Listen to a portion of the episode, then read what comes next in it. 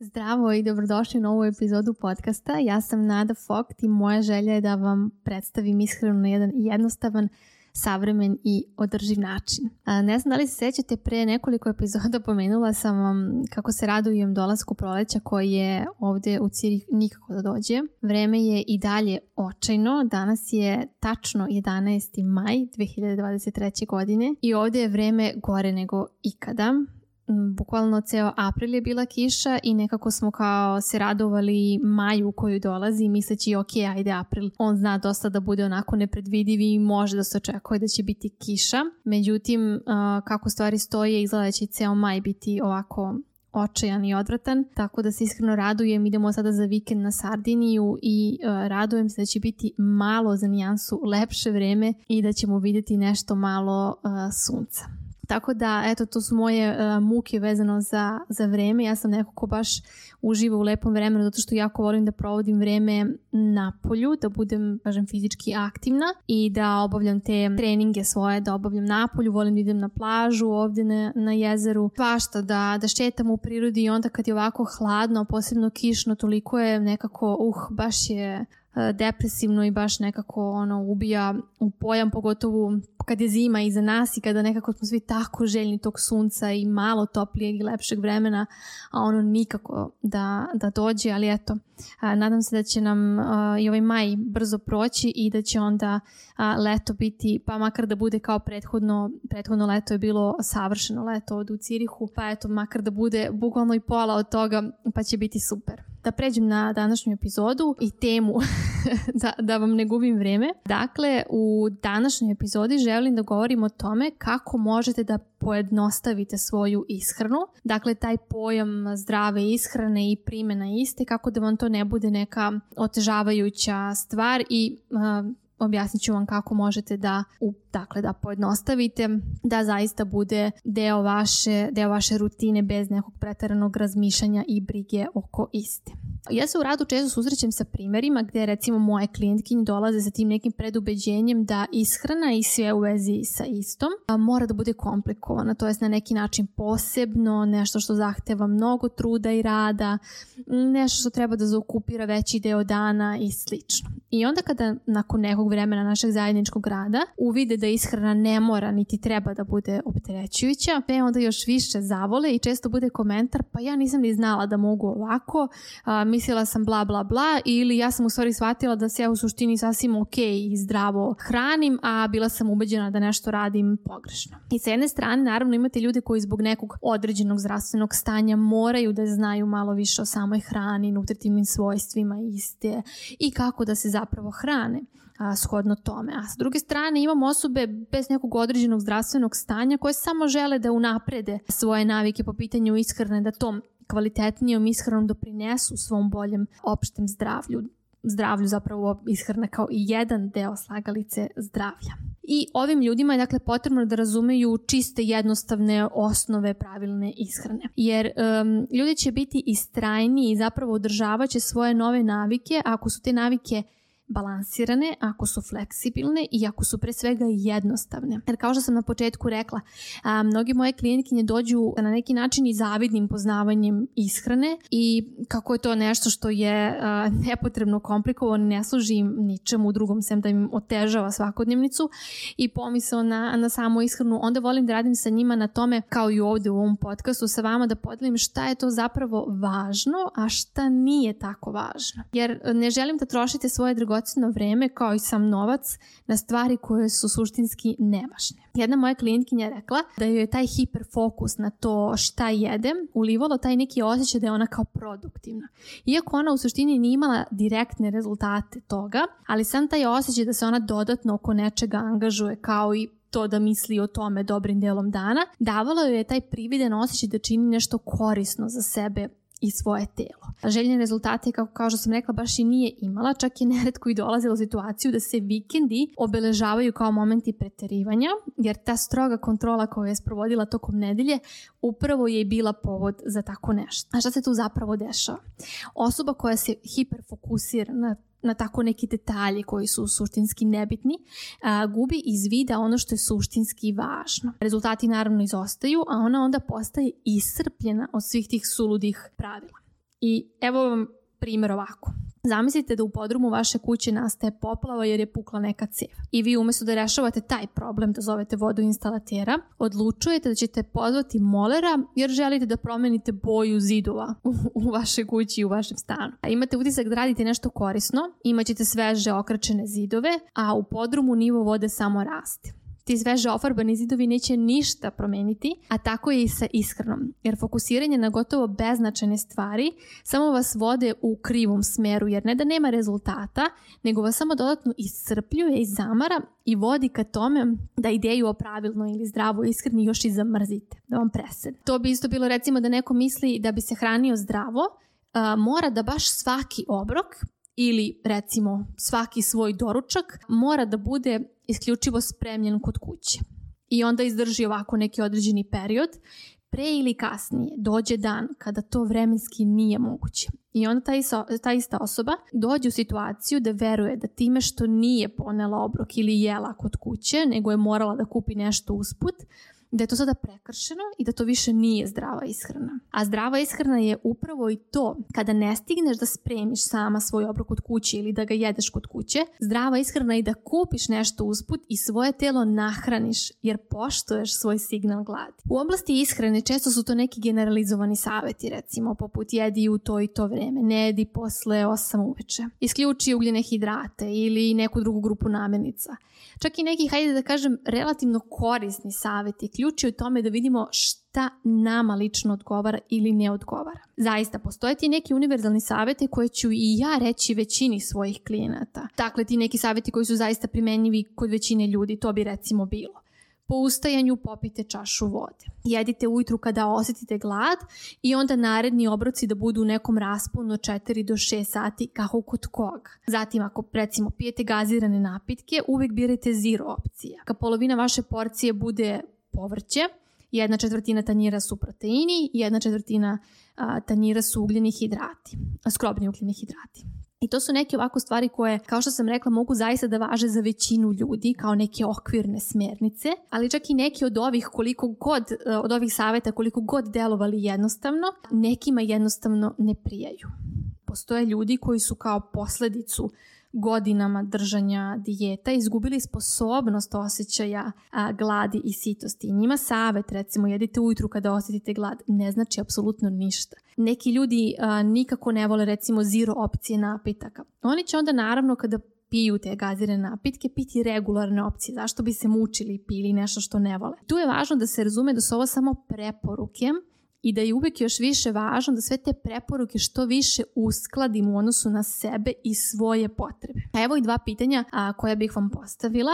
Dakle, razmislite bez žurbe, kliknite na pauzu ili kasnije kada budete imali više vremena, odgovorit ćete sebi na ova pitanja. Dakle, prvo pitanje jeste šta se trenutno dešava sa vašom ishranom? Kakva je vaša ishrana trenutno? Odgovor na ovo pitanje imat ćete ključnu početnu stvar za izmenu.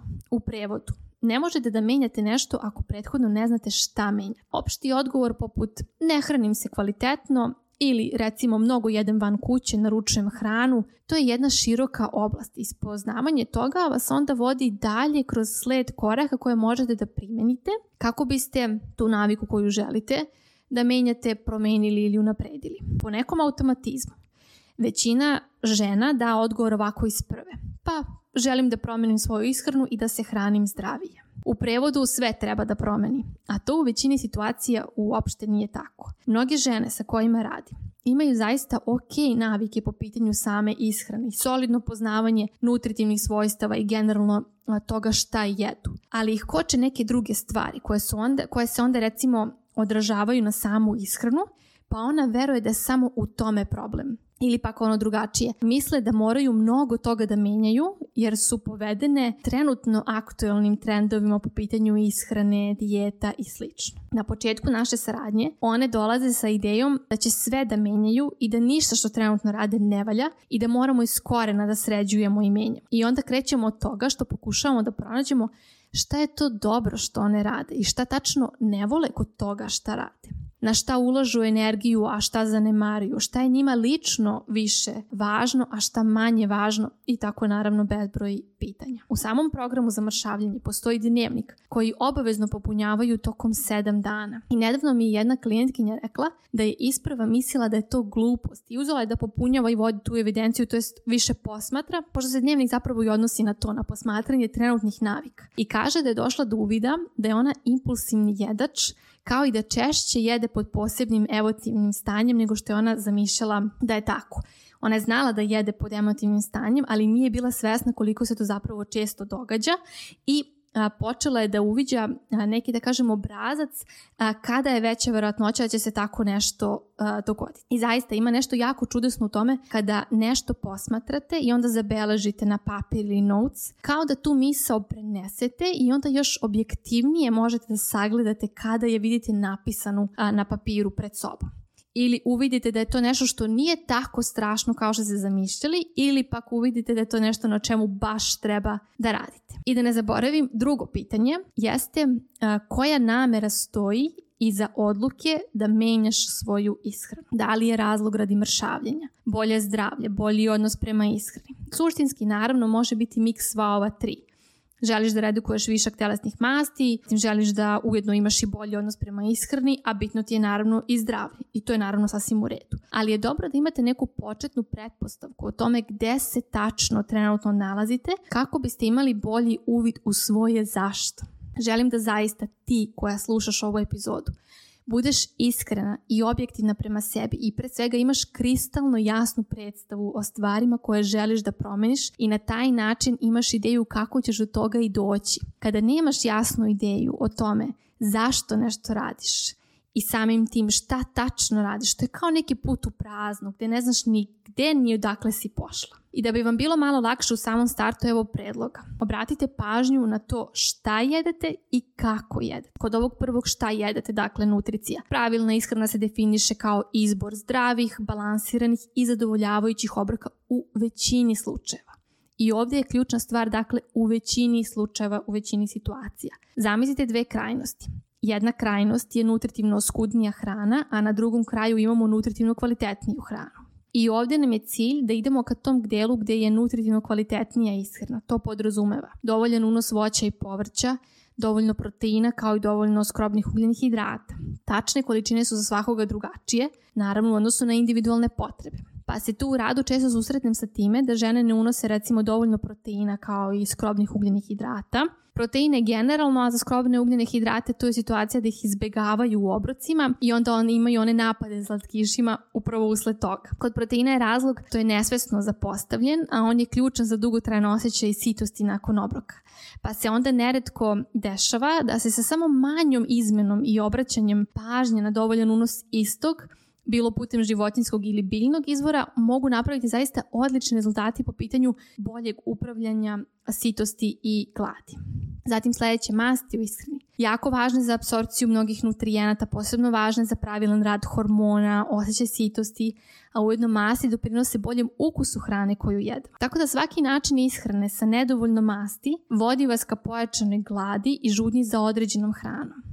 Naravno, izbor je na nezasićenim mastima, a zasićene masti konzumiramo umerenije. U zavisnosti koja ste generacija i u koje doba ste odrastali, recimo u moje doba koje je bilo to, u tom tinežerskom periodu kada koje je bilo podložno tim na ekstremnim dijetama, masti su bile ozloglašene njih je trebalo po svaku cijenu izbjegavati. Pa tako i dan danas verujem da svi vi koji ste odrastali u tom dobu imate taj tik na masti. Prva pomisao šta da se smanji jesu masti dok je recimo kasnije taj primat zabranjene namirnice prešao na ugljene hidrate, a upravo su masti onda promovisane kao poželjne.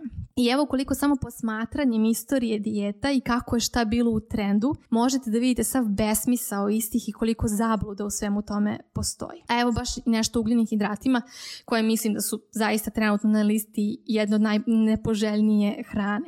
Dakle, imamo složene i proste ugljene hidrate, Različiti ljudi imaju različite potrebe za količinama istih u zavisnosti od njihovog stila života, nivoa aktivnosti kao i samih preferencija. Kompleksni ili složeni ugljeni hidrati uključuju skrobno povrće, mahunarke, žitarice koji treba zaista da budu u osnovi naše ishrane. Dakle, prednost korišćenju više složenih u odnosu na prost. I ovdje naravno gledamo stvari na spektru gde se vodite idejom češće ređe, a ne idejom smeš ili ne smeš. I na kraju povrće i voće koje se ubraje u kategoriju ugljenih hidrata, ali često ih obeležavamo kao dijetna vlakna, kao taj četvrti i većinski deo porcije. Dakle, unos voća i povrća je povezan sa mnogo pozitivnih zdravstvenih ishoda, uključujući smanjeni rizik od nekih vrsta kancera, kardiovaskularnih oboljenja, moždanog udara i dijabetesa. I studije pokazuju da ljudi koji u svojoj ishrani imaju dovoljno voća i povrća imaju niži stepen gojaznosti jer ukupno konzumiraju manje kalorija dnevno jer upravo taj volumen voća ili povrća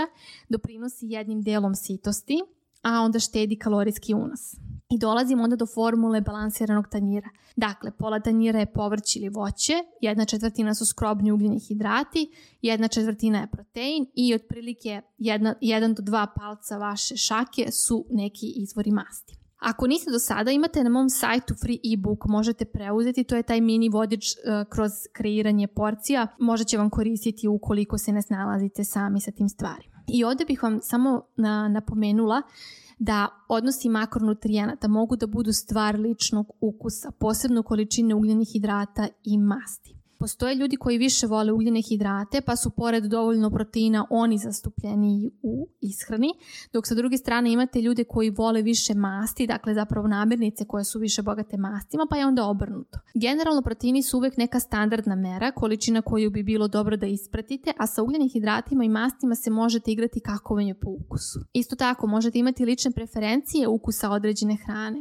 Ja sam imala klijentkinju koja voli slan doručak, jaja, ali obožava sireve. I onda je ona došla do svoje idealne kombinacije gdje je spremala omlet samo od belanaca, a kao dodatak je jela više sira, jer je njoj značilo da unese više, više sira na uštrb recimo žumanaca u jajet. A da je jela cijela jaja, dakle ne bi mogla da pojede tu količinu sira koju ona voli, a njoj žumanca ništa ne predstavljaju, pa je na taj način pravila tu neku svoju kombinaciju. Naravno, vi možete jesti cijela jaja i sir uz to, ali kod nje je bilo specifično što je ona jako veliki ljubitelj sira i njene potrebe za sirom su bile mnogo veće od neke kriške sira uz jaja, tako da je ona na taj način pravila neki svoj uh, balans, jer kada bi jela recimo ta cijela jaja sa tom količinom sira koju ona jede, osjećala bi se nekako tromo nakon tog doručka, pa je onda ona tako došla na tu ideju i napravila neku svoju jedinstvenu kombinaciju. I mogu da vam kažem da su u početku ljudi kada pristupe programu, većina će reći ja, ma da, znam ja to sve, ali tek kada prođemo zajedno kroz mini dnevnik i evidenciju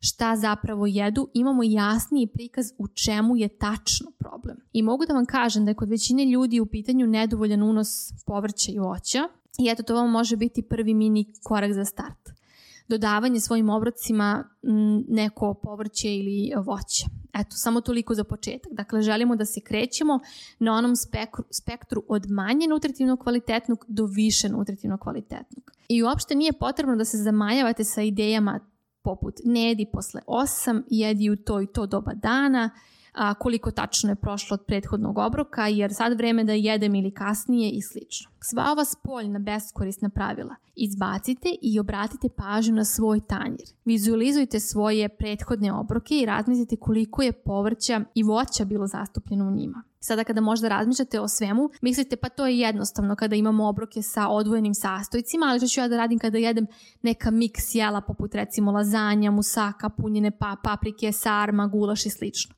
Ne brinite, to je sve veština koju savladate kada mislite o tome. Sva ova jela upravo i imaju sve neophodne sastojke. Evo vam primjer punjenih paprika. Imate u njima meso kao izvor proteina, zatim perinač kao izvor složenih ugljenih hidrata, papriku, paradajz, luk, šargarepu i šta ko još stavlja više kao deo dijetnih vlakana i imate masti, ulje koje se dodaje u pripremi hrane. I kada samo malo u početku obratite pažnju na to da li je vaša porcija izbalansirana, bit će vam mnogo lakše da to primenite na svaku situaciju u kojoj se nalazite. Jer nije poenta u slepom praćenju određenog recepta bez poznavanja sastava namirnica, već je poenta u tome da imate sliku balansiranog tanjira i na taj način da onda kreirate svoje porcije. I to je zaista tako. U tim slučajima, bilo da se nalazite u idealnim uslovima kod svoje kuće ili recimo na nekoj proslavi, uvek ste u mogućnosti da sebi napravite zadovoljavajuću porciju. Nema straha od paste jer pasta je taj deo skrobnog ugljenog hidrata. Ali šta ja mogu da dodam toj pasti da to bude onda izbalansiran obrok? Treba mi nešto kao izvor proteina i dodaću povrće ili salatu. I tako za većinu drugih situacija. Stičete veštinu kreiranja obroka gde ste u mogućnosti da jedete bilo na odmoru, putovanju, proslavi, rođendanu, kod kuće, restoranu, jer znate kako izgleda balansirana porcija koja vam pruža to zadovoljstvo ujedno i sitost. I mala napomena, nemojte se hiperfokusirati na svaki obrok pojedinačno. Krenite da posmatrate za početak recimo jedan ceo dan ili pak cijelu nedelju. Pa ćete onda polako i vremenom doći do pojedinačnih obroka i to sve radite iz potrebe nege prema sebi, svom telu, organizmu, ne iz potrebe da budete neki policajac koji će da odmerava i kritikuje sebe šta jede, a šta ne jede. Imajte uvek na umu da pristupite ishrani iz želje, da za sebe uradite nešto bolje, a ne da sebe kažnjavate ili bilo šta slično. Do sada smo govorili dakle o tome šta jedemo, koji se ovako u priči čini kao jednostavan, ali ipak i dalje mnogi ljudi imaju problem sa svojom ishranom ili kaj da kažemo sa održavanjem nekog željenog načina ishrane, navika i slično. A drugi deo slagalice je kako jedemo. Jer to kako nešto jedemo može jako mnogo da utiče na to šta jedemo. I ovdje imamo spektar sa jednim krajem od neregulisanog jedenja, takozvanog haotičnog jedenja i drugi kraj regulisanog jedenja. To regulisano jedenje bi se opisalo kao individua koja zasniva unos hrane u odnosu na svoje signale sitosti i gladi. Kada su gladni oni jedu, kada osjećaju sitost po noću oni staju, zadovoljavaju svoje potrebe za ukusom i jedenjem određene hrane i imaju racionalne stavove kada je u pitanju celokupna ishrana i njihovo telo. Ne moralizuju hranu, ne moralizuju svoju telesnu masu, svoje telo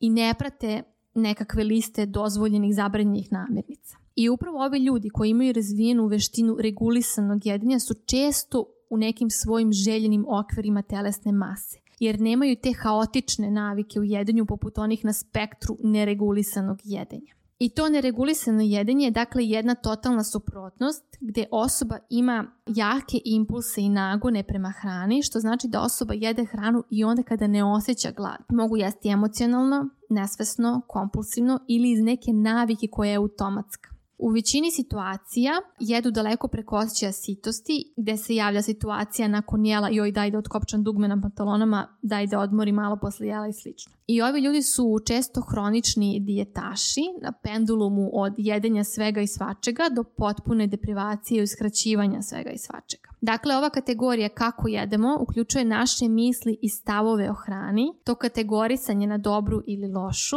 što dalje ima uticaj na to šta jedemo. I onda to sve posledično onemogućava osobu da ima neku svoju željenu telesnu formu, jer je zarobljena u ovim ciklusima haotičnog jedenja. I upravo ovi ljudi, to jest moje žene koje dolaze u program, ove koje spadaju u kategoriju neregulisanih jedača, čvrsto veruju da one treba da rade samo na tome da srede šta jedu, u smislu hiperfokusa na namirnice, pravila, veruju da moraju da budu još striktnije jer, kako kažu, i onako nemam kontrolu, još ako dozvolim sebi da budem bez iste, bit će haos. To je potpuno razumljivo, jer taj hiperfokus na hranu njima daje osjećaj da su produktivne, da rade nešto korisno. Čine se kao sasvim normalna stvar koju treba da radiš kada jesi na dijeti jer ipak je na kraju i lakše nego da ja sad tu razmišljam o svojim osjećanjima, emocijama, navikama i da iz tog dela pristupaju promeni.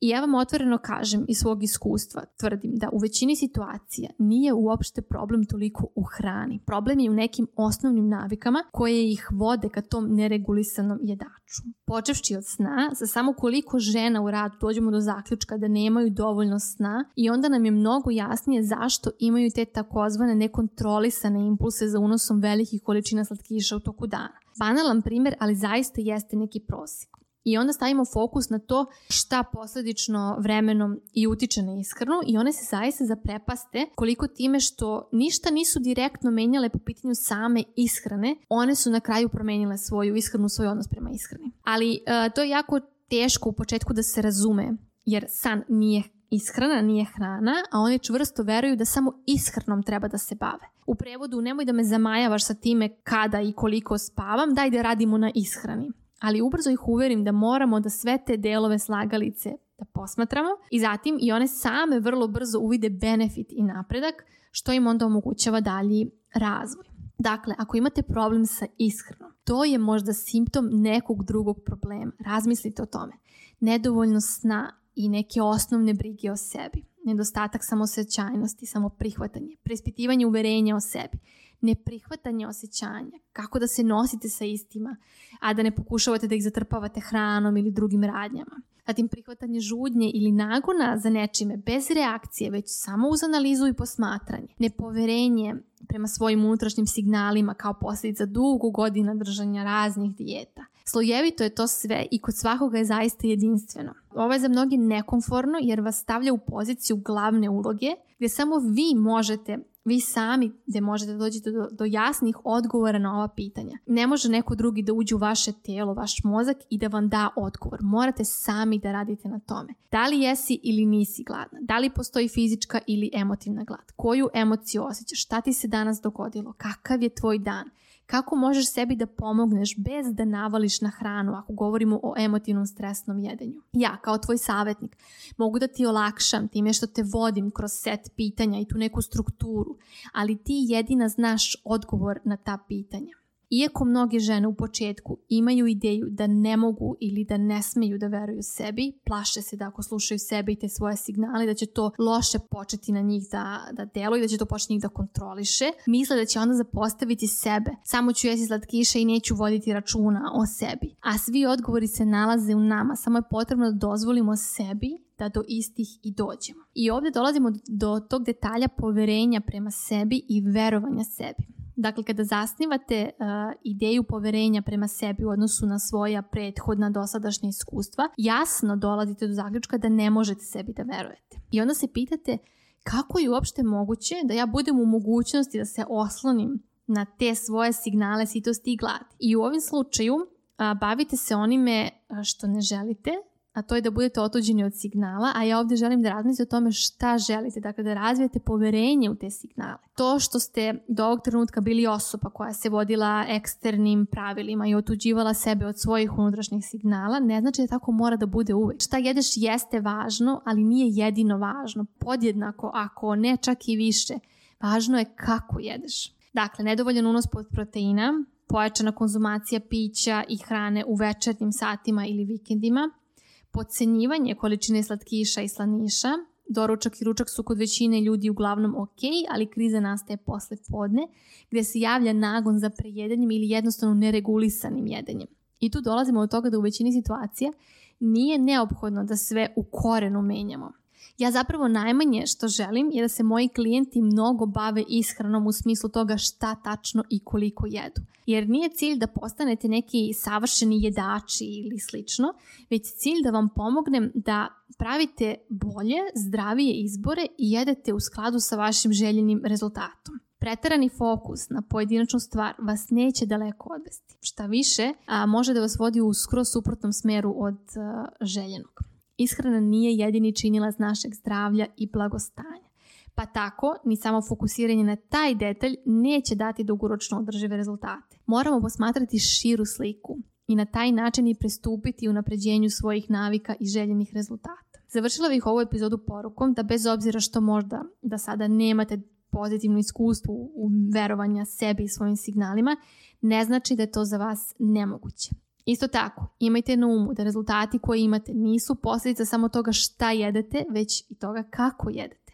A ujedno i deo drugih aspekata brige o sebi. Razmislite malo o ovim pitanjima, o tome kako jedete, o tome šta je to čime jeste zadovoljni, a šta je to tačno što biste voljeli da menjate, ali fokus na ovo čime ste zadovoljni pre svega, pa šta već sada radite dobro i onda će vam biti mnogo lakše da imate jasniju predstavu o tome šta i kako da radite na promjeni. Ukoliko vam je potrebna podrška i vojstvo sa moje strane i više ste nego dobrodošli u program, na linkovima ispod epizode možete dobiti više informacija o mogućim opcijama saradnje. Želim vam lep ostatak dana ili večeri i čujemo se naredne nedelje u novoj epizodi.